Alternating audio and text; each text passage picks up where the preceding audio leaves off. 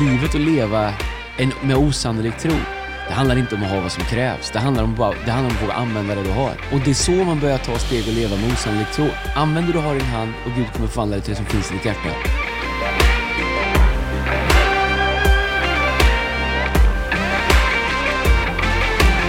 Det, det är onsdag morgon. Onsdag morgon, Ja. vi spelar in det här, kommer släppas på fredag. Ja, gör du det? Ja, på fredag, torsdagar, när släpper vi? Fredag. Eh, Torsdag? Fredag. Alltså vems idé är det att spela in podd så här tidigt på morgonen? Vet du, jag bara inser, jag går igenom min mail här nu. Vi får massor med mail på fredag.hilson.se. Får, får jag bara säga, när, när du, när du så här tänker så här på, du är, du är för ung för det, för alla våra lyssnare som varit med lite grann. Vi sitter med så här stora radiomickar här och lurar och grejer. Va, vet du vad jag osökt tänker på då? Eh, Men han vet han... Vi snackar ju, vi snackar ju i... Ring så spelar, vet han... eh, nej, inte ring så spelar vi. Jag vet han med sköna rösten, vet han efter tre på P3? Vet nej, han- nej, ja, Ulf Elving. Ulf Elving. Ja, nej, det- ja, han är också bra. Men du vet, vi pratade i morse om att vad man kollar på på natten när man inte kan sova. Förr var det ju Good night America, Ja. wherever you are. Jack Hillian. En röst i natten. Röst i natten. Kommer du ihåg den? Sömnlös i Seattle. Nej, Nej, nej. inte det samma. Röstlöst! Vi måste säga en sak här nu. En, Har, jag har tycker det är du, roligt. kollar du på en röst i natten? får jag säga- Kolla, Om du kollar och när ni, på det här Instagramkontot äh, där vi släpper det här. Om ni, äh, om ni gillar Jack Hillian, en röst i natten, Good night America, wherever you are. Bara lite shoutout Kom on, ge en shoutout till våra, i våra, då måste ni skri, skriv det. Jag vill bara veta om det är någon som kollar på med på den tiden. Hur unga lyssnare oss. vi har. Skriv i caption eller på feles är hilson.se. Jag kan säga att jag har nog aldrig sett den, men jag, har ju, jag vet ju liksom referensen. Men, äh, Men det är samma han, var, liksom- han var radiopratare, jag måste bara säga innan folk zoomar ut. han var radiopratare. Så man kunde ringa in till honom, han var före detta polis. Lite Karlavagnen. Nej, ja, och lite så. lite. Jag känner att du lyssnar på Karlavagnen också. Ja, men vet ni, jag lyssnar på Karlavagn, Ja. när jag åker hem från mina jaktmarker sent på natten. Det är liksom så här bra sätt att varva ner. Men, Är det ett eh, ålderstecken? För jag kan erkänna lite grann att man söker prat radio Ja, men det är underbart. Inte för mycket musik. Ja, men i. USA lyssnar jag ännu mycket mer pratradio, typ så AM-radio. Det är, så här, det är så pratradiostationer. Men eh, ja, han var polis. I alla fall skulle man ringa in och sen så hjälpte han dem med brott och Det var bra, det var bra. Det var säkert, så man kollar på det nu var det sämre än Baywatch, men... eh, Men, men kolla, lyssna, några som, vi har ju massor av folk som mejlat, vi vill bara lite shoutout till folk. Åsa Backlund mejlar oss, hon eh, vill tacka för vår uthållighet som församling under pandemin. Hon upplever att vi tagit ett stort utvecklingssprång under den här tiden, tack för det Åsa. Tack. Och hon har nominerat oss till Dagen-galan. har hon? Ja, Vi hade inte hört något om. den här podden eh, till Dagen-galan, så det var bra. Eh, Kan man säga att vi nästan är journalister då, eller? Om vi, om Det vi jag. hamnar där. vet du vad, sen så är det någon Magnus eh, Perault, Per- Perault, han messar. Ja, Det- Magnus vet vem det Ja, är. tjena grabbar, tack för en grym podd. Älskar er tugg. Jag är från Dalarna men ställer mig i Eriks led som gul, blå och röd. Ja, men vad, sa han var från Dalarna eller? Han har ingenting med men, alltså du, jag vet Magnus, du är grym, men där får du rätta till Det här var så här, alltså. Rickard, Karlsson med- mejlade oss i veckan. Hej gubbar. N- när går man från liksom grabbar till gubbar? Nej men han är säkert från ett litet... Dras jag med lite innan? jag tror så här, han, han är från ett litet samhälle, där är det vid 25 någon gång. Jag vet inte vem det är, men tack ska du ha, vi tar det. Hej gubbar, eh, inom parentes, då är jag ännu mer gubbe än er båda. Då är jag ett par år äldre. Jag lyssnar på samtliga avsnitt. Idag torsdag avslutar jag avsnitt 38. Måste få uppmuntra och lyfta ert jobb som ni gör med denna podd. Jag förlåter er för att ni pratar om och sympatiserar med DIF, LIF, MIF eh, och vilket IF det må vara. Ni kommer säkert att vakna upp en eh, vacker dag. Nog om det, jag älskar era diskussioner och samtal. Ni ger mig så mycket matnyttigt att ta med mig och bygga vidare. Och jag skickar dem, han skickar det till massa folk på sitt jobb och så vidare. kul. jag blir grymt peppad. Stort tack för den inspirationen ni ger. Tack Rickard! Tack så jättemycket Rickard. Om den här podden betyder något för dig, fortsätt mejla oss på felis.hilson.se. Det är bra att veta. Och hjälp oss att sprida den. Verkligen. Vet du vad, eh, Andreas, idag ska vi prata om osannolikhet. Eh, Osannoliket. Men innan vi hoppar in i det, alltså, har vi någon, vad har vi på osannolikhet? Vad har vi gjort i veckan förresten? Hur har din vecka varit? Vad för- Jag vet, vi, brukar, vi brukar ta ett litet varv kring eh, sport, jag säga sport, sporten ändå. Det var lite dålig sportvecka. VM-kval, alltså, ja, kunde ja, ja, ja. Har jag gjort någonting dåligt? Nej. Nej, nej, nej, men det har varit lite dålig sportvecka. Det har Ja, varit så här ja, eh, SHL-uppehåll och... eh, Men eh, jag hade, jag om ni börjar vinna nu i Djurgården, vill jag bara säga att då eh, förväntar jag mig tårta. För jag hade med ett gäng av era hockeyspelare ute i skogen, jagade här om natten. Gav dem lite motivation, eh, peppade dem lite, Ja. gav dem lite eh, scenery change. Så ehm, jag kan säga att eh, jag var inte helt nöjd därför att den ena han, han, eh, han gjorde sin bästa match mot Leksand veckan Ja, ja, ja. det ja. var ju, Det, det, det, det måste vi prata om. Så Djurgården har mött Leksand. Ni har vunnit två... Vad blev det? Eh, det kommer jag inte ihåg. Vad blev det? Nej men jag men svara vet först, du kan svara sen. Nej men jag vet inte. Men vilka- vilka lag vann? Du vet vilka lag som vann? Ja, Djurgården vann. Jag vet, Djurgården- vet, vad, Djurgården men vet vann. vad som var det tråkiga? Vi hade 16 matcher utan förlust. Ja, lyssna nu. Och ni fick er andra vinst för säsongen. Och det var ju synd att det skulle komma mot Leksand. Ja. Ja, men ni, har två, ni är uppe i två nu. Det är ju fantastiskt. Vet du en sak som jag tycker är helt Barry. Barry... eh, Hur, hur var det när han åkte hem? Körde de honom på rullstol ut till planet eller kunde han Hur Vet du vad det kallas som Andreas håller på med nu? En klassisk undanmanöver. Han, liksom, han, han svarar på en fråga med en annan fråga. Men det där går inte jag på, för jag har varit med så länge. Hur som helst, vi kan stanna med ett Djurgården. Ja, det är vi. Men matchen efter spel mot Luleå, då torskade de med 7-0. Det var, det var efter de varit ute i skogen med dig eller? Nej, det var det inte. Nej, det var inte. Eh, jag tror Ro, Rosen på Aftonbladet, han skrev att det var närmare 12-0 än 7-1. Ja, ja nej, det- Typiskt Djurgårdssyndrom, ni vinner en match, sen är ni redan Precis, eh, här, jag kan folk kanske inte relatera till, men för folk som tycker om sporten kan relatera till det här. Du vet när man hamnar mitt emellan, så när ett fotbolls-VM är slut, ett fotbolls-EM är slut, två veckor innan fotbolls-VM börjar. Du vet, så den här sporttorkan. när man går in, jag använder den här tvmatchen.nu, inte sponsrat av dem. Nej, vet du det är? nej. Så Ja. ibland, när man inte kan sova ibland på nätterna, hänt, då går man in och tittar, vad är det då? Vad kan man se fram emot imorgon Nej, det är in i mina... Är- Det är ingenting, det är så, är det så här- trav från det är så Jägersro. Det är så cykling från Holland, halv tre. Ja men förstår du? Det är Men liksom... du, vet du, um, vet du vad jag hörde, um, hörde igår? Mm. Um, Ottawa har ju ställt in tre matcher på grund av uh, covid i Senators. truppen. Mhm. Ja, Ottawa.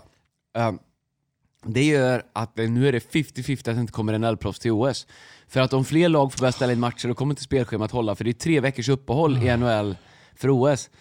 Du vet, så här, då får vi inga OS, då, då sjunker OS också. Då, då tappar alla liksom så här, det är, Nu så här i november när det är liksom så här pissmörkt och kallt, det är liksom OS i februari som man satt, liksom siktar mot. Mörker. Du vet det är som när man kör med båten du vet, så in mot land, du hittar något att ta sikte mot långt bort. Liksom. Exakt. Så är OS. Oh, men det, det, ber vi kriga för. Så här, vill du helst se Dreisaitl, McDavid, eh, Hedman, eller vill du hellre se...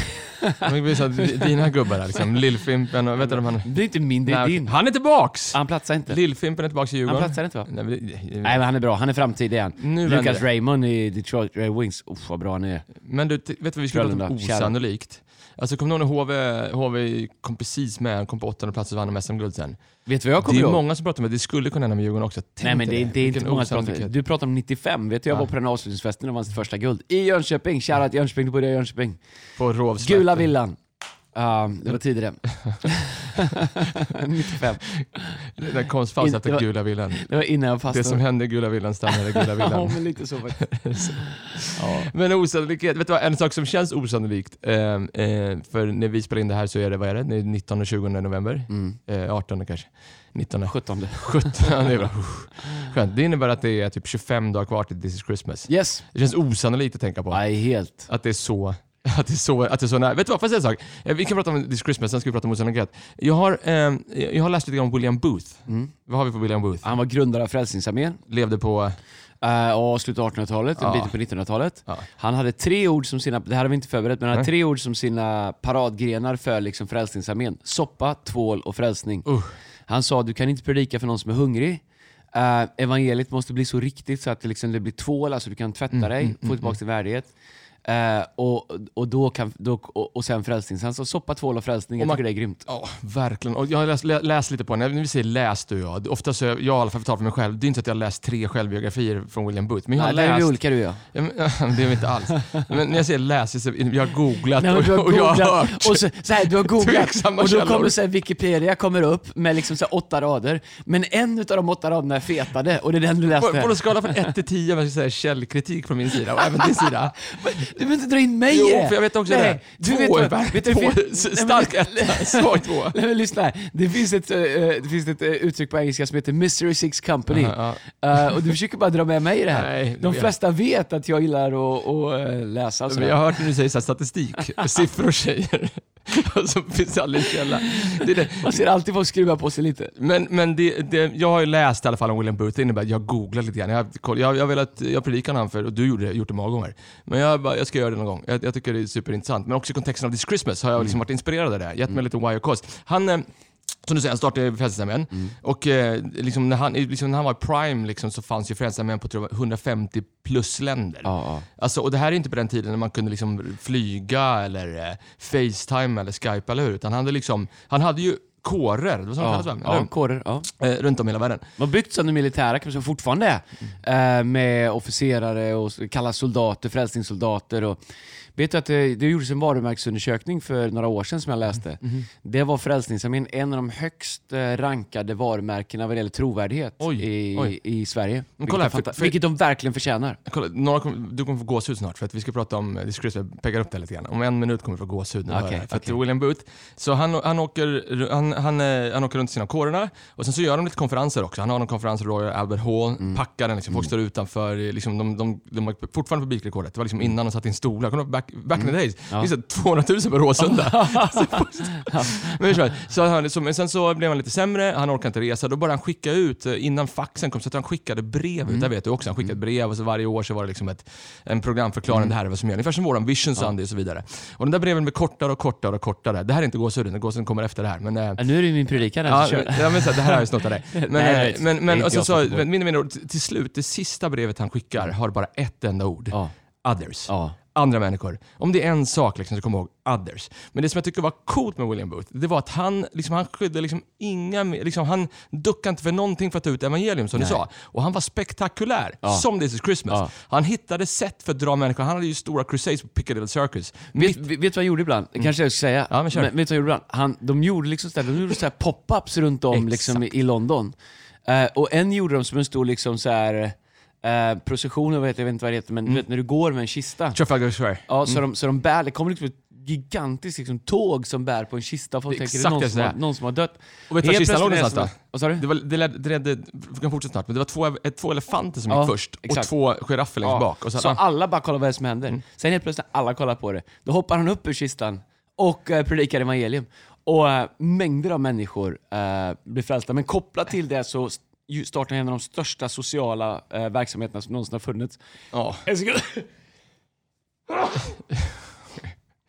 Har du antikroppar? Eh, jag har antikroppar, det, är po- det är pollen. Men jag det tycker kan man, kö- man kan inte säga att det är pollen Jag är med det här är osannolikt i alla fall med This Christmas. Alltså, jag, jag, exakt det jag skulle prata om. Han kommer in, han rider in liksom på Trafalgar Square, tiotusentals människor är där. Han var ju helt han tog ju fyllevisorna liksom, så satte han kristna texter på den. Ja. Oh when the saints Ja. go march, det är ju Blue Saints låt. Ja, ja, Oh when the saints, det var ju Oh when we drink, du vet det var liksom fyllevisor. Satte kristna texter på dem, hade tusentals människor, red in på en elefant, in med en kista och så visade han upp och så bara på fem minuter predikade han Jesus och tiotusentals människor blir frälsta. Jag tänker på Kungsträdgården, Götaplatsen. Ja. Inte det exakt det egentligen som är hjärtat bakom Jo, Jesus jo, Christmas? absolut. Alltså, du vet såhär, bomber och fyrverkerier och rök och allting Verkligen. annat och julevangelier och sockerbagare och så vidare. Men det där är ju bara tools, eller hur? Verkligen. Och det som är intressant med det, det är att om man bara liksom tittar på William Booth eller tittar på det han gjorde, vad en person kan få gjort under en livstid. Ja. Men det, det, och det här är ju en ledarpodd Mm. och det som jag tycker är grymt med när man pratar, vi pratar om osannolik tro och os, osannolika ledare, som vi ska prata om lite idag här alldeles strax.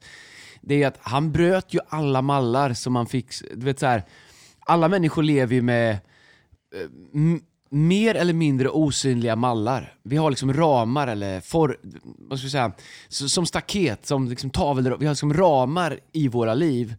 Vi har fått med oss dem hemifrån, eh, ram, de, de ramar våra föräldrar hade ofta så ärver vi dem och det de trodde var möjligt, det, det tror vi är möjligt, det de siktade på, det, det, det siktar vi på. Eh, förutom att det blir sämre nu, jag, jag läste en undersökning till generation Z, alltså den, den generation som kommer upp Ja, nu. ja. Det är den första generationen eh, på 1900-talet som tror att de kommer få det sämre än vad sina föräldrar hade Oj. det. Oj. Alla andra generationer på 1900-talet tänkt vi kan resa, vi kan utbilda oss, vi kan, jag vet inte om vi pratade förra veckan om det. Ja, nej, men du... Eh, Mm. eh, I många generationer nu så har vi tänkt vi kan resa, vi kan utbilda oss, vi kan eh, få det bättre vi kan, än våra föräldrar gjort. Vi kan liksom flytta, vi kan skaffa större, vi kan få det bättre. Mm. Det här är första generationen där, som har gjort en undersökning där generationen som tror att vi kommer få det sämre. Mm, Samhället kommer förändras till det sämre, ekonomin kommer bli sämre, vi kommer inte kunna utbilda samma sak, vi kommer inte ha samma möjligheter. Så, så man, man lever med alla de här ramarna. Men om man tittar på William Booth så han hade ett sätt att kontinuerligt spränga de här ramarna. Verkligen. Så där kan man inte göra kyrka, så där kan man inte liksom ta hand om utslagna, så där kan man inte sjunga. Så där kan man... Alla liksom levde, ingen gjorde det, för man bara levde med att de här osynliga ramarna fanns. Och det, det är en av de sakerna som jag älskar och som jag vill att vi aldrig liksom ska bli för rädda för att göra. Och faktum är när man inte har någonting när vi startar, vi har ing, du har ingenting att förlora. Det är Exakt. superenkelt att bryta ram. Exakt. Superenkelt att liksom göra saker som ingen annan har gjort och få lite kritik för. Och det, liksom, det hjälper bara till att bygga momentum. Men ju mer du har, ju mer människor på något sätt som du ska ha förtroende hos, ju mer, ju mer, ju mer du har att förlora, ju, ju mer mod krävs för att fortsätta bryta de ramarna Verkligen. och göra osannolika saker. Jag tycker att det, när man liksom summerar, inte för att jag kan summera William Booths liv, men när du tittar på det liksom som helhet så är det de sakerna som jag är så sjukt imponerad över. Hela vägen in till slutet så har han kvar samma sak. Det här brevet som du säger. Det var ett långt brev med instruktioner. Det här är vad som gäller i år. Det här vi fokusera på i år. Det här är viktigt. Det här ligger på mitt hjärta. Så det är liksom ett ledarbrev till alla kårer. Varje år så blir det mindre och mindre. Därför att han blir äldre och äldre. Men det blir också mer och mer renodlat vad som verkligen, verkligen drev honom. Så när han skriver det här sista brevet, när allt är sagt och gjort och bortskalat. Då, då är det liksom sista uppdragsbrevet som han skrivit till alla kårer. Har bara ett ord, others. Ja, det är kärnan av men det är hans drivkraft av att beröra andra människor. Hjälpa dem att hitta upp. Och ska veta att England levde i en depression. Ja. England höll på att supa ihjäl på samma sätt som Sverige gjorde i början på 1900-talet. Eh, alltså, samhället var på väg att duka under Ja, på visst. grund av alkohol, arbetslöshet och massa olika saker. Eh, så att han kom ju rakt in i det samhället som i början på 1900-talet nykterhetsrörelsen gjorde här i Sverige på många sätt. Visst. Eh, och bara bestämde sig för att förändra det. Ja. Men när han gör det så bryter han alla de här osannolika sakerna. Han bryter alla de här osynliga ramarna. Och när det kommer till ledarskap så tror jag att den sekunden du eh, bestämmer dig för att spela safe. Mm. Det är alldeles för många människor som aldrig ens är ute vid, vid liksom kantlinjerna på planen utan håller sig bara i mitten därför att det är safe där. Verkligen. Eh, när jag växte upp sa man att uh, fega killar får aldrig sny uh, kyssa snygga tjejer. Eller rädda pojkar får aldrig pussa vackra flickor. Uh, det är vad det är, det kan man tycka vad man vill om det, men det ligger någonting i det. Jag vill säga, det här spårade iväg lite men det är okej. Vi- Vi pratar om Mosala vi ska snart, snart gå vidare. Men jag bara tänker så här. det William Booth fick när jag läser också, han fick väldigt mycket kritik från kristna, från kyrkor. Jag, jag tänker så här, när man gör, Andreas, det osannolika, så är det högst sannolikt att du kommer få kritik också. Och kanske de som du trodde var dina fans, eller de som trodde... Jag, jag, jag ska inte gå in på det egentligen, vi bemöter ju aldrig kritik och sådär, men jag bara, jag, bara, jag bara noterade så här att det fanns en stor tidning som eh, postade att vi skulle göra This Christmas, och i, i det kommentarsfältet så fanns det massa människor som tyckte Hillsong är bara show, Hillsong är bara liksom plast, Hillsong är bara ljus och rök och så vidare. Och ibland så kände jag så här, bara, är det någon av dem som så här skrapar lite grann på ytan? Har du varit på någon av de mötena liksom, där vi döper hundratals människor efter att ha gjort det? Vi behöver inte göra det. Men, men eh, tror du ibland att, att, att eh, du behöver inte svara på kritiken på det, men tror, du- tror du att det är ibland anledningen till att man inte vågar göra det, osannolika, för att man tror att det är högst sannolikhet att man kommer eh, möta motstånd och kritik? Definitivt. Det, jag menar, det enklaste sättet att inte få någon kritik det är att inte göra någonting. Då är du ju safe. Eh, men ska du leva med dig själv då så måste du, du, du hamnar ju också i ett läge där när du ser andra människor göra så får du dina egna kort synade. Så det enklaste sättet att hantera att man själv inte gör någonting, det är att försöka skjuta ner de som gör någonting. För då sitter vi alla i samma båt liksom. Exakt. Och det är där, det, det, men, men jag tror att eh, eh, alltid när man gör någonting så kommer du alltid ha kritiker. Men du vet så här, faktum att Bibeln säger ve dig om alla talar gott om dig. Så att om du inte får någon kritik så är det förmodligen för att du inte gör någonting. Men samtidigt ska man veta att när man steppar ut och gör någonting, om du gör det så kommer du göra fel och du kommer få göra om och göra bättre och du kommer göra rätt och vinna allt möjligt. Men varje gång man gör det så, så är det ju också så att du, du lite grann liksom, eh, man sätter någon slags press på omgivningen och säger hej, det här går. Eh, och om vi inte har gjort det innan och vi har liksom sagt att ingen behöver göra det här för vi har kommit överens om att det inte går. Men när någon gör det. Exakt. Du vet, vi pratade om, eh, eh, eh, vad heter han, Banning va? Um, um, Banning? Bannister heter han. Som, som sprang, första världen Ja, ja, ja, ja. sprang eh, four, Under minute, four minute mile. Ja. Han sprang en, en engelsk, eh, engelsk mil under fyra minuter. Mm. Tog ju hundratals år innan han gjorde det. Ja men så här. eh, ingen hade gjort det någonsin. Någonsin, någonsin. Mm. Eh, och till, det fanns fysiker och forskare, eh, eh, biologer sa att det är omöjligt för människokroppen att springa så fort. Den är inte konstruerad. Det är, alltså forskare säger, eh, professorer, det är fysiskt omöjligt. Det är en fysiologisk omöjlighet. Att springa en engelsk mil Att springa under en fyra engelsk minuter. mil under fyra minuter. Tack ska du ha. Eh, men, så ingen gjorde det. Men han gjorde det, vet du hur många som gjorde det året efter? 17. Ja, Jag tror 19, 17 eller 19, skitsamma. Men massa människor gjorde det. Så det var satt bara i huvudet. Ja, ja, ja. Men han satte ju press nu på andra och säga att hej, jag vet att ni har hört att det inte går, men nu när det är gjort, då finns det ingen ursäkt längre. Och helt plötsligt så var det som en ram försvann i folks huvud. Och jag tror att man som ledare så du behöver inte springa en engelsk mil eller du behöver inte starta en rörelse som, har, som finns i 150 länder. Men utifrån var du är, utifrån var du står, utifrån var du gräver, så som ledare så måste du våga pusha gränser. Verkligen. Och, och liksom, jag tror människor som lyssnar på det här eh, och, och liksom pratar om osannolikhet, du borde gå in på vår podcast, eh, Hillsong Church Swedens podcast, och lyssna på eh, din predikan Andreas från i söndags, Osannolik tro, för det kommer sätta upp det här på ett sätt. Men du hade massa one-liners. Faktum är att jag skrev ner flera stycken av dem. Jag tänker, det vi pratar om, liksom, att, vara, eh, liksom att, att man ibland play it too safe. Du sa du en, en, en, sak som du sa nyss. Du sa så här, är du beredd att offra det kontrollerade sannolika så Gud kan göra det osannolika bortom din kontroll? Vad menar du? Nej, men det kommer från ett bibelställe i första kungaboken kapitel 17. Det är en profet som heter Elia. Ehm, det är torka i landet, det, det regnar ingenting. Det, du vet, så här, Vi och- pratar 700 år före Jesus. Typ. Ja, typ. Eh, så det, det är liksom tvär... Och när det, inte- när det inte regnar då finns, växer ingenting, då finns det inget att äta, det finns inget att dricka, ingenting. Så det är totalt torka. Men Gud säger till sin profet Elia, gå bort till den bäcken där. Där ska du vara. Där, jag kommer se till att den bäcken eh, har vatten åt dig.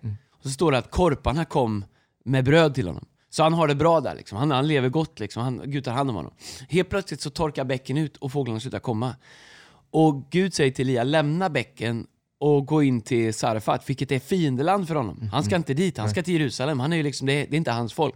Det är fiendeland. Men han säger, gå in i fiendeland, där dina fiender är. Där har jag liksom nästa försörjning för dig. Du kommer träffa en änka, be henne om bla bla bla. Och han gör det och han kommer dit och han träffar henne. Och, och, och, och de läser storyn där de första vad är det, 16-17 kap- eh, verserna i kapitel 17, första kungaboken. Så ser du att Gud tar honom från en plats där han, har- där han har haft allt han behöver och ber honom börja gå till en plats där han inte vet alls vad han kommer få. Och jag tror att eh, det här att ge upp det kontrollerade sannolika för att våga gå efter det osannolika som vi inte kan kontrollera. Det är ju det som avgör ytterst sett om vi kommer kunna nå vår potential i livet som finns inom oss. Därför att eh, Nej, men jag sa det till och med i söndags, jag tror till och med kyrkan ibland, eh, vi pratar inte bara om våran kyrka, utan kyrkan, alltså stora kyrkan, liksom alla kyrkor så här. Jag har, alltid, jag har aldrig varit någon som vill bygga monument över en bäck som en gång rann. Minns du bäcken liksom? Eller, förstår du? Eller bygga monument över något som en gång var. det finns saker i det förflutna som är fantastiskt, som vi behöver hedra och som vi behöver, människor som gått före. Men när vi, när vi stannar kvar i någonting som vi kan kontrollera, vi stannar kvar i någonting som påminner oss om trygghet, som påminner oss om hur det var när det funkade. Och vi väljer en vardag, en tillvaro som vi kan kontrollera. Vi, vi, vi lever litet, vi lever instängt, vi lever med små ramar för att det är vad vi kan kontrollera. Istället för att våga gå ut i det okontrollerade. De flesta människor har sjukt mycket mer potential i sig, har ett mycket större liv och mer saker att uppleva i livet inom sig än vad de någonsin kommer göra därför att de flesta människor kommer välja det kontrollerade sannolika. Det är sannolikt att jag kanske kan Exakt. ha den här lägenheten. Det är sannolikt att jag kanske kommer kunna ehm, få det här jobbet. Det är sannolikt. Så jag väljer bara det jag tror är sannolikt. Men du vet, grejen med Gud, grejen med tro, det är att vi kan välja det osannolika. Därför att Bibeln säger att det som är omöjligt för människor, det är möjligt för Gud. Så våran sannolikhet plus Guds förmåga equals osannolikt. Det är osannolikt, men det går ändå. Otroligt. Eh, och det är... Jag tror att det krävs att vi aggressivt utmanar våra tänkande, vårt eget tänkande, för annars kommer... Det finns någonting i hjärnan som kallas acquiescence, det är vattnets sätt att alltid hitta enklaste vägen ner för en backe. Och våran hjärna lämnar åt sig själv, våra tankar, våra känslor kommer alltid gå dit. Och ju äldre du blir, ju mer vill du dit. Ju äldre du blir, ju mer vill du till kontrollerad sannolikhet eller safety. Jag märker själv nu vid 46 års ålder att, eh, vet du vad de som gissade att jag var 32 förra veckan? Det var ju grymt. jag, älskar, jag älskar att vara 46, det var det. Men jag märker vid 46 års Gissa de ålder... 32. Va? Gissa de 32. Gissa om 32? Gissa de 32. Ja, ja, ja. ja. Eh, men eh, det, Det var någon som får... Nej, nej, nej, ja, det var faktiskt Djurgården. Det var Ja, det är någon som får betalt för det. Nej, Det det de är inte. på De vårt staff som de vill de fick, löneförhöjning. de fick skjuta ett vildsvin. Okej, okej, okej. Men jag märker ju äldre jag blir, ju mer eh, krävs det av mig Mm. För att välja det osannolika som Ja, krävs sant. tro. Wow. Därför att det är lätt att luta sig tillbaks mot tidigare success, lätt att luta sig mot erfarenhet, lätt att luta sig mot det jag vet att jag kan hålla i, det jag vet att jag kan, än att våga fortsätta ut i områden eh, som jag inte kan. Och jag, om du hör det här, lyssna, att leva sitt liv vid en uttorkad bäck, eller vid någonting som, som en gång var någonting, eller leva sitt liv under kontrollerade sannolikhetsformer. Det livet kommer alltid bli mindre än vad du har potential att leva. Ska du leva det liv som finns inom dig, som Gud har lagt inom dig, som väntar på att få levas. Jag sa en gång i en annan predikan att eh, eh, alla människor har två liv. Det är liv som man lever och det är liv som man väntar, som väntar på att få levas. Det finns ett liv inom oss allihopa som väntar på att få börja levas. Och då måste du våga ta steg ut i det okontrollerade, osannolika livet där du måste prova dig fram för att se om det bär. Men är det inte så här, jag tänker, de flesta... Blev det en preacher? Det var Ja, inte det, det, meningen. det är svinbra. Men jag Alltså, brinner faktiskt, det här, ja, är, men- en- jag brinner, det här är liksom min, om jag ska koka ner vad jag Ja, brinner men jag för att hjälpa det. människor med så är det, det här är liksom min spik. Jag känner det, jag tror många människor som lyssnar på det känner det. I, liksom, men de flesta ledarna, inklusive du Andreas, som gör någonting stort med sitt liv, de har ju vågat kliva ut i det osannolika. Springer om du är hockeyspelare, om du heter Steve Jobs och startar, liksom, gjorde en iPod eller om du startar en kyrka när människor sa att det var omöjligt. Du sa så här i, i söndags Andreas, eh, jag skrev ner det, så här, du ser på mig nu, men hade du sett mig för 26 år sedan hade du sagt att det är högst osannolikt att Gud skulle använda mig. Och jag hade varit den första att hålla med. Vad menar du? Nej, men 26 år sedan när jag blev- när jag började jobba i en kyrka, eh, du vet, så här, jag, jag hade aldrig anställt mig själv. Nej. Än idag så fattar jag inte att Christ Fellowship i, i, i Florida, eh, West Palm Beach, anställde mig. Jag hade, hade någon sån kommit hit, det finns inte en möjlighet jag hade anställt dem. Eller jag hoppas jag hade gjort det. Men sannolikheten för det, du vet, så jag kommer inte... Och när jag, mitt rykte jag kom ifrån, eller mina beslut jag hade fattat innan, eller du vet så här. Jag hade ju ingenting liksom. Eh, och och när jag tänker tillbaks på mina första år som ledare, liksom, eller till och med skulle jag tänka mina första tio år som ledare. Det tar, vet du, det tar tid att, bli, att lära sig. Man tänker ibland att man får en roll, man får en anställning i ett företag, man får en anställning i en kyrka och så tror man att man är ledare. Exakt. Ledare är ett hantverk, Ja, det, tar, ja. det tar lång tid att lära sig. Och om du är ung ledare och lyssnar på det här, vare sig du är en del av våran kyrka eller en annan organisation eller vad det är. Ledarskap är ett hantverk och om du inte ger dig själv tiden att lära dig det och lär från människor som gjort det länge, så det finns två sätt. Jag kommer tillbaka till din fråga här, men Mm, det, jag bara säga, det finns två saker som händer. Det ena är att du lurar dig själv och tror att du kan hantverket. Mm. Eh, det finns en anledning att du inte spelar landslaget från början. Det tar tid att lära sig spela, spela fotboll eller vad det nu är. Ledarskap är ett hantverk, det tar tid att lära sig. Ehm, eh, så antingen så kommer du liksom eh, bara fejka att du har det, eller så kommer du nöja dig med en roll Mm, och kalla dig ledare för det. Men ge, eller så kommer du ge upp, men ge dig själv tid att lära dig hantverket att leda. Och vi har massa unga ledare hos oss, ungdomspastorer och andra, som är på väg att bli fantastiska ledare. Men, men ledarskap är ett hantverk. Så när jag kom där 26 år tidigare, och när jag tittar på kanske mina första 10 år som ledare, jag bara tänker så här. Ibland kan jag tänka, någon borde gett mig sparken. Eller, men du vet, det var osannolikt. Du vet, men så inser jag att när du bara, men jag, om jag hade någonting som jobbade för mig, så var att jag var tillräckligt dum för att, begri, för att, för att inte begripa att jag inte hade vad som krävdes. Ja, eller hade du tro? Ja, det kanske var det. Jag, jag, ibland vet jag inte vad det var. Nej, men är det inte så Men liksom, vet du vad, vet, ska jag säga, vet, jag hade heller inte någonting annat heller. Nej, nej, nej. Men man tänker, du, du, för 26 år sedan, det fanns ju inte, du hade ju inte gått liksom, du hade inte ens gått ut gymnasiet eller hoppat av högstadiet, eller hur gjorde du? Nej, jag du, hoppade inte av högstadiet. Okej. Kan man göra det? Måste, man gå in, måste vi gå igenom det Nej, men menar- nej, så här, jag jag gick ut folk- gymnasiet, folk- jag, jag hade det struligt. Jag tror folk tittar på det Andreas. Jag gick ut gymnasiet utan fullständiga betyg. Mm. Eh, och jag, eller förlåt, jag gick ut högstadiet utan fullständiga betyg. Mm. Inte för att jag var dum, men för att det var en, stur, det var en bökperiod i mitt liv och jag Mm. kanske hade behövt lite annat stöd och sådär. Eh, jag hoppade av gymnasiet efter en och en halv dag. Mm. Eh, och sen dess så har jag vetat att jag har inget skyddsnät. Nej, nej. Men, men, men er, för det, min poäng är att folk kan titta på dig, folk kan titta på andra, pastor Brian, eller andra människor som man ser upp till, whatever, sportstjärnor, whatever, tänka så här, det här är lätt för Andreas att säga, för han har ju liksom det här skillsetet, han har den här uppväxten, han har de här, nej, nej, förstår inte jag det, jag sitter hemma, du vet så här. Och så kan man, det är därför jag vill fråga dig om 26 år sedan, för att du, ab- absolut, men det, men det låter som att du hade ju liksom det fanns en tro, eller? eller Ja. var jag liksom, för, du, för en sak du sa Andreas var så här i söndags, du sa så här, Gud, har- Gud har osannolika mirakel för människor som har en osannolik tro. Hade du en osannolik tro för 26 år sedan, eller? Ja, det hade jag. Men det var inte så här liksom att jag vaknade på morgonen liksom och, och, och sjöng en sång till mig själv liksom, i spegeln. Det är, inte, det är inte den sortens tro. Men en av de sakerna som fångade mig tidigt, som fångade mig snabbt, det var att jag bestämde verkligen för att tro på att Gud är den han säger att han är, att han kan göra det han känner att han kan göra. Och sen hade jag den enorma turen, favören, välsignelsen, vad du vill, att hamna i en kontext där jag kände att människor trodde på mig. Mm, mm. Att jag kände liksom, jag var i en kontext, jag blev, åh vad jag blev utmanad. Åh vad jag blev stretchad. Åh vad jag blev disciplinerad. Åh vad jag blev liksom äh, av fantastiska ledare. Alltså det var tufft alltså. Det var bootcamp. För mig känns det som bootcamp. Men jag var i en miljö där jag kände, här är allting möjligt. Om jag bara gör mitt bästa, om jag bara liksom... och, det är lite sant. Om, det finns en... äh, det finns en sån här ledarskapsövning som många har använt eller whatever, liknelse. Om du går ut och ställer det här liksom, ute på, vi är ju här på, på Riddargatan Mm. på Östermalm just nu. Om du går ut och ställer dig och tittar upp mot taket på en av byggnaderna här och bara står där och tittar. Eller du går liksom till Humlegårdsparken, ställer dig och tittar upp i ett träd. Då kommer folk att ställa sig bredvid till slut och bara titta på vad är det han kollar på liksom. Du har bara stått där. Du kanske inte kollar på något, finns inget där uppe. Så de tittar inte på någonting. De tittar på vad du tittar på. Förstår du vad jag menar? Och så är det så mycket med att våga omge sig med bra människor. Så när jag kommer i den kontexten, Jag börjar titta på vad de tittar på, för här är ledare som, som har en större tro än mig, som har större skills än mig, som lever för någonting större än mig. Och det ser ut som allihopa tittar på någonting. Nej, jag kunde inte se vad det var de tittade på, men jag såg att de tittade på någonting, så jag började fästa min blick på vad de gör.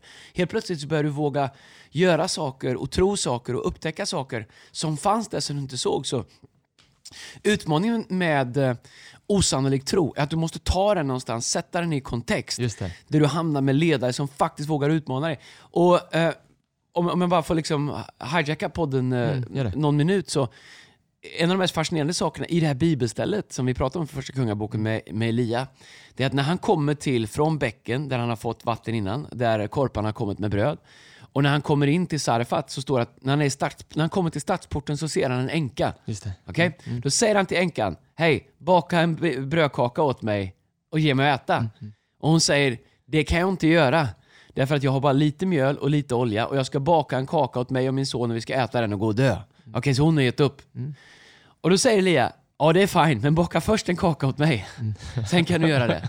Man bara tänker Kan upplevas rätt okänsligt. Ja men det skulle man lätt kunna säga. Eller, eller du vet, så här, man kan säga att så här, vad är det ens för ledare? Är det tjänande ledarskap? Är det, du vet, så här, är det en ledare liksom 2021? Är han inkluderande? Är han tänkande? Kände han med henne? Hur är det? Bla, bla, bla, bla, bla. Det är ett ledarövertramp hit och dit. Men om man, bara, om man, om man skulle bara fre, så här, freeze-framea bilden där. Hon säger att hon är deprimerad, hon är utfattig, hon har lite mjöl och lite olja kvar. Hon ska baka en sista brödkaka, hon och hennes son ska dela på den, sen ska de svälta ihjäl. Och han säger, fine, det är okej. Men först baka, baka åt mig. mig. Ja. Då kan man ju tänka så här, vad är han för liksom narcissist? Vad är han för liksom självupptagen? Vem tror han att han är? Och är han någon gudsman och bla bla bla. Han har ju ett endgame. Därför att det som händer när hon har gjort det, det är att mjölet tar inte slut. Nej. Oljan tar inte Tar slut. slut. Så det är några saker som sker som är ut. Han kanske låter som att han ber henne göra någonting som är osannolikt, orimligt, okänsligt. Profeten Elias endgame är ju att ge henne mat och försörjning för resten av livet. Han är inte ute efter att lösa en, en bit bröd till sig själv först och främst. Han är ute efter att lösa hennes och hennes sons och hennes familjs, hennes släkts matförsörjning för resten av livet. Men han säger inte det till henne. Utan han utmanar henne att ha osannolik tro i det han säger. Så hon skulle kunna säga Vet du vad? Jag är utsatt liksom. Här kommer en ledare, han har bett mig göra något som är helt orimligt, helt osannolikt. Men vet du, en bra ledare kommer utmana dig. En sund, bra ledare kommer utmana dig att göra saker som du bara känner, det här är osannolikt. Det här är orimligt.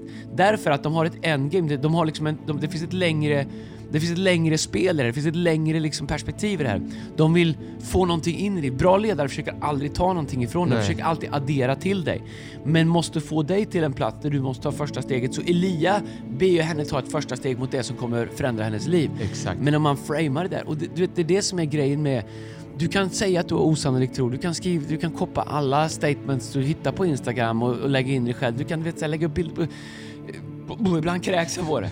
Eh, men grejen är att det som avgör vad du kommer göra med osannolik tro eller inte, oavsett vilken kontext du sätter det i, det är kan du vara i en miljö där människor, eller en ledare, står under ledarskap där en ledare kan be dig göra osannolika saker som kommer förlösa saker i dig som du inte visste fanns. Därför att du, man kommer aldrig själv som ledare själv förlösa sig själv ut i sin egen potential. Och det låter ju som att, eh, och du pratar mycket om det här Andreas, eh, så vill man se det osannolika i sitt liv så måste man vara beredd att offra det sannolika, eh, det sannolika som den här, den här änkan som offrade det som var sannolikt. Du sa så här, vilket jag tycker var helt brutalt. Är du beredd att offra det kontrollerade sannolika så att Gud kan göra det osannolika bortom din kontroll? Ja. ja men hon var ju tvungen att ge upp sin skvätt med mjöl, ge upp sin skvätt med olja. Hon var ju tvungen att ge upp det först och sen så fick hon allt det andra. Och det det här var vad hon kunde hålla i och jag tror att det är en sån bild på så mycket i livet liksom. Och, s- och s- verkligen så är din bild på, det är på allting. Du kan ta det till liksom din lägenhet eller var du bor någonstans. Jag minns jag flyttade in Äktenskap eller vad som Ja helst. men verkligen. Jag, vet, jag, jag flyttade in, jag och min fru Bea köpte eh, en lägenhet på Södermalm, vår första lägenhet. Det var hur dyrt som helst, en etta. Eh, och, eh, så han som var ordförande där, Johan, eh, Postverket, Telia eller så kommer jag han, han sa det liksom, han, var, han sa så här, han, han sa du måste, du måste, man måste våga. Man måste våga liksom Stockholmsbo, man måste våga köpa. Jag var ju svinrädd liksom. Jag tänkte, Ja, Han sa att man, måste, man kan inte bo i en hyresrätt. Kontrollerande sannolikt kan vara bo i en hyresrätt resten av mitt liv. Jag vet det. det är sann, jag vet om du bor i en hyresrätt, det är inget fel i det jag pratar om. Men liksom det, det är kontrollerat, det är sannolikt att jag kommer ha den här bostaden resten av mitt liv. Liksom. Det är o, alltså, men det okontrollerade går ut att köpa en bostadsrätt. Det är inte helt Ja. säkert. Det kan gå upp, det kan gå ner. Ja. Du sitter lite mer otryggt ett tag, men det är osannolikt i, att- i det. Men när man kliver ut i det så på något sätt så sträcker man ut tältpinnarna och så blir det osannolika, eh, osannolika verklighet i ens liv, eller hur? Ja, verkligen. Och jag tycker att det, alltså ledarskap handlar ju så mycket om principer Mm. och som du kan applicera på livets alla områden. Det kan vara i din karriär, det kan vara i bostad, det kan vara i ditt äktenskap. Du vet, så här, ta som ett äktenskap till exempel, eller en relation. Mm. Du vet vad du har. Eh, och, och för många människor lämnar vad de har för att det är det de kan kontrollera istället för att jobba på det de har. Du vet, så du kan ju, om du behöver, jag och Lina har haft perioder när vi har liksom kanske inte gått i terapi eller så, men vi har liksom, du vet, så det är inte enkelt att bygga ett äktenskap. Nej. Vi har haft vettiga vuxna människor som vi har pratat med liksom, som har gjort det längre än oss. Men då kan man tänka sig, ja, men då exponerar jag mig på att jag eventuellt ska ha någon brist i mitt äktenskap eller vi ska ha något som inte funkar. Så, och, och då vet jag inte vad folk tycker eller vad skulle de känna eller tänka. Så då, det, det kan jag inte kontrollera. Så då lever man kontrollerat med, med kanske en relation som egentligen skulle behöva hjälp. Så det här är ju en princip, du kan applicera det på vad du vill. Lägenhet, eller, eh, äktenskap, eh, karriär, barn, whatever. Eh, drömmar, eh, ekonomi, eh, ledarskap, vad du än gör. Eh, om du kan kontrollera hela din tillvaro, Mm. då har du byggt ett för, litet, eh, en för liten sandlåda. Och, och du sa också så här, du sa ju så här, vi kanske börjar landa lite grann Andreas, men du sa, du sa att eh, änkan sa, sa, jag har bara. Eh, alltså, hon värderade inte hon hade, eller hur? Så Nej. kan det vara i sitt äktenskap, i sin lägenhet, annat. Ja. Man, vi har bara här Ja. i vårt äktenskap. Ja. Och så värderar man inte, eller hur? Jag tycker det är så sjukt fascinerande jag, jag älskar Bibeln för det. Eh, hur, hur liksom mycket guld det finns där i. Så, uh, profeten Elias säger till Henkan, baka en kaka åt mig. Hon säger, jag har bara. Mm. Så hon säger, det har, jag bara har, lite mjöl, men bara jag- lite ja, olja. Lite, lite, Mm. ba- Bara lite mjöl, lite olja. Jag har inte vad som behövs. Eller hon säger, jag har inte tillräckligt för att göra det jag tror att du vill ha. Så det är ingen idé att jag ens gör någonting med det jag har. Eh, men Elias säger, använd det du har. Och jag tror att det är det här livet att leva en, med osannolik tro. Det handlar inte om att ha vad som krävs. Det handlar om, bara, det handlar om att våga använda det du har. Och våga am- för jag, jag tror av hela mitt hjärta, en av de sakerna jag älskar med pastor Brians undervisning, det är att en av de första undervisningarna jag hörde, det var en undervisning om hur, om jag använder det som finns i min hand, så kommer Gud förvandla det till det som finns i mitt hjärta. Mm. De flesta människor går runt och letar efter vart kan jag hitta någonstans, det här är inne mig, det här är min dröm, det här är min... Jag väntar på ett perfekt opportunity för det som finns i mitt hjärta, inom situationstecken. Och, och risken är att du får gå och vänta och få gå och leta liksom. Um, jag tror på principen, strunta lite i det, eller du var inte så orolig över det. Utan börja använda det du har i din hand. Vad kan du göra idag? Vad kan du göra med en situation du är i nu? Vad kan du göra med det du har? Börja använda det, mer än vad du trodde du kunde. Och för min egen del så är det storyn om mitt liv, om vi skulle prata om de 26 åren. Ja, ja. Jag började med det jag hade i min hand. Jag ställde ut stolar, jag plockade skräp. Det, det, jag- alltså det mina händer kunde göra. 26 år senare kan jag säga, jag vet inte hur Gud gjorde det. Men han, han har förvandlat det som var i min hand då, det människor bad mig göra, det människor la i min hand.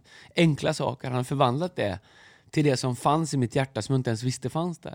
Och det är så man börjar ta steg och leva med osannolik tro. Använder du har i din hand och Gud kommer förvandla det till det som finns i ditt hjärta. Men exakt, om vi landar nu Andreas, tillbaka till liksom This is Christmas, och det vi började prata om. Liksom, och, eh, för 12 år sedan när vi gjorde This is Christmas första gången, vi har pratat om det här förut, men jag tycker det är värt att uppmärksammas igen. Du och jag sa ju aldrig liksom, vi har bara det här, eller, utan, utan det fanns ju en osannolik tro, vi kan skämta om det. Ja. Men helt ärligt, när vi pratade för 12-13 år sedan, så pratade vi om 12-13 år sedan, vi har det här i vår hand, Mm. let's go for it. Men det var ingen snack om att målet var att en dag vara på Kungsträdgården, Nej. eller på Globen, Nej. eller på Skandinavien, eller, vad- eller hur? Nej. Tegera Arena. Kom on shoutout, kom, hör av i Leksand om ni vill att This Christmas kommer upp är dit. ingen som... Det är liksom... Det är en av Sveriges finaste Du arenor. måste, hör av dig till kommunen och fråga. Det är det som, Nej, det är inte kommunen som äger den. Nej, men jag menar kommunen. Jonas Bergqvist, den gamla centern. Det här... Nej men lyssna, när han, han, när han var VD i Leksand, han drev igenom bygg. Shoutout till Jonas, du, du gav oss en arena. Tillbaks till This Christmas. Grejen är så här, om vi bara skulle få göra en shameless plug för This Christmas. Vi gör någonting i år vi aldrig har gjort tidigare. Vi är utomhus, vi säljer inga biljetter. Um, om du vill vara med och stödja det här på något sätt, du är företagare eller ledare och bara känner wow vilken satsning du har med. Vi, vi, det går att vara sponsor i år på ett fantastiskt sätt, få exponera runt kring det, hör av dig. Men vet du, om du är, bor i någon i, i området där du kan ta dig till Stockholm, åka bil ett par timmar eller, eller du kan ta dig till, till Göteborg. Gör det! Därför att vi drömmer om att fylla Kungsan, vi drömmer om att fylla eh, Götaplatsen med människor eh, som eh, vill vara med och göra det här därför att eh, dels folk drar folk, det kommer bli en fantastisk föreställning, du kommer älska det.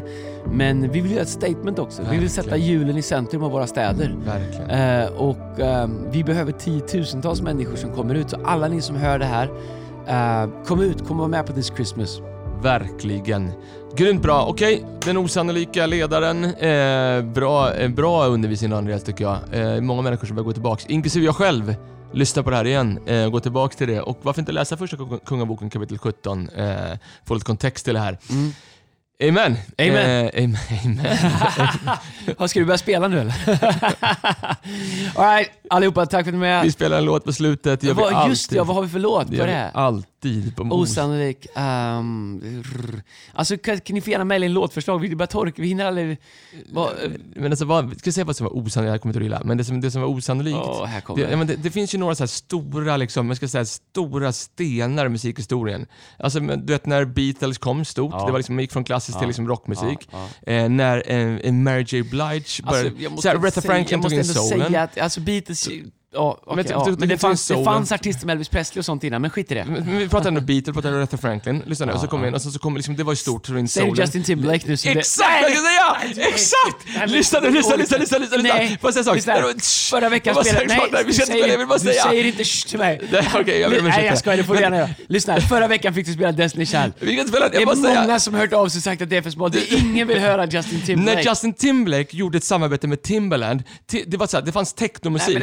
Det- techno var för människor som ravade och stannade uppe på natten och drack liksom- energidrinkar eller whatever. inte säga Helt det plötsligt så går han till, till honom och så gör de... Nej, du kan... Det är smalt. Ja, det är bra, men det är smalt. Men du kan liksom inte sätta ihop det med Jag bara Aretha säger, det är en Franklin. sten i Du kan musikhistorien. inte sätta ihop det med Aretha Franklin. Beatles, är Franklin. Justin Timberlake. Inte ens din osannolika tro kan få dig att flyga. Det var osannolikt, men säg en osannolik artist då. Ja, det ska jag göra. Michael Jackson var osannolik? Ja, men ska vi gå jättesmalt? Ja, okej. ja. Ehm, om du skulle fråga alla country, eller de flesta countryartister, eller liksom amerikanska artister. Nu är det folk som stänger av.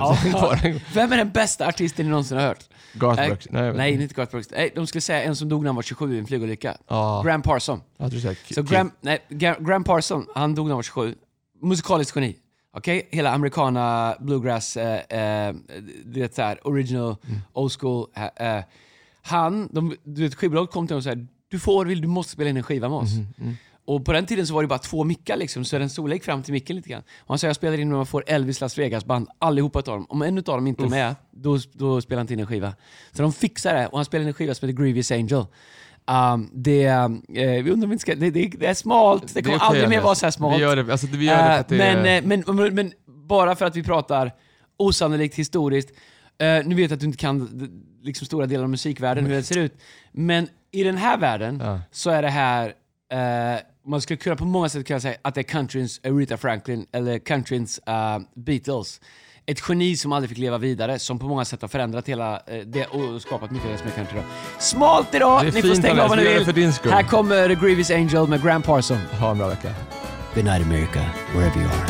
Time can pass and time can heal, but it don't ever pass the way I feel. You went away a long time ago, and why you left I never knew. The lonely days and lonely nights, I guess the world knows I ain't feeling right. And when you're gone, the hours pass so slow. And now I'm still feeling blue. Yeah. And baby, since you walked out of my life, never felt so low. Can't help but wonder why you had to go.